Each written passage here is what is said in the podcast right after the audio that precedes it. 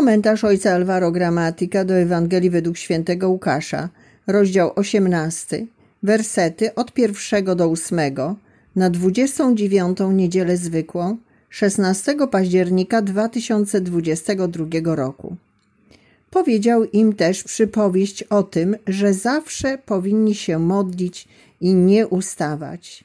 W pewnym mieście żył sędzia, który Boga się nie bał i nie liczył się z ludźmi. W tym samym mieście żyła wdowa, która przychodziła do niego z prośbą: Obroń mnie przed moim przeciwnikiem. Przez pewien czas nie chciał, lecz potem rzekł do siebie: Chociaż Boga się nie boję, ani z ludźmi się nie liczę, to jednak, ponieważ naprzykrza mi się ta wdowa, wezmę ją w obronę, żeby nie przychodziła bez końca i nie zadręczała mnie. I pan dodał: Słuchajcie, co ten niesprawiedliwy sędzia mówi. A Bóg czyż nie weźmie w obronę swoich wybranych, którzy dniem i nocą wołają do Niego, i czy będzie zwlekał w ich sprawie?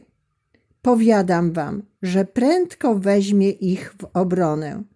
Czy jednak Syn Człowieczy znajdzie wiarę na ziemi, gdy przyjdzie?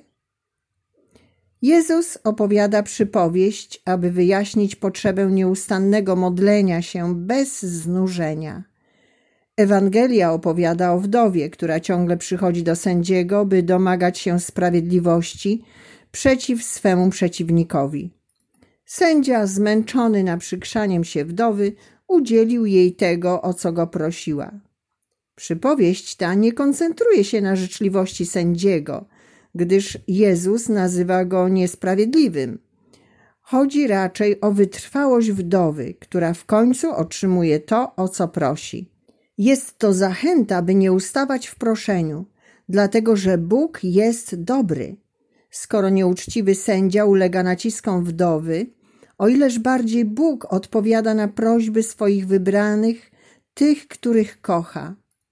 A my jesteśmy tymi, których Bóg kocha bardziej niż cokolwiek innego, ponieważ jesteśmy stworzeni na obraz Jego Syna zachęca nas, byśmy nigdy nie przestawali się modlić i w ten sposób doświadczali, że Bóg słucha, troszczy się o nas i przychodzi nam z pomocą.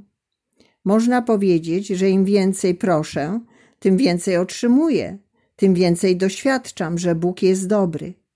Wytrwałość utwierdza nas w przekonaniu, że Bóg przyjdzie nam z pomocą.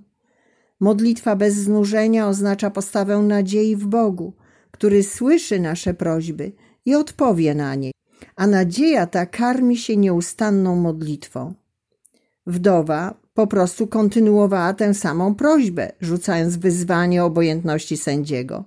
Ta wytrwałość w tej samej prośbie, aż do jej spełnienia, jest tym, co Jezus wskazuje jako niestrudzenie w proszeniu.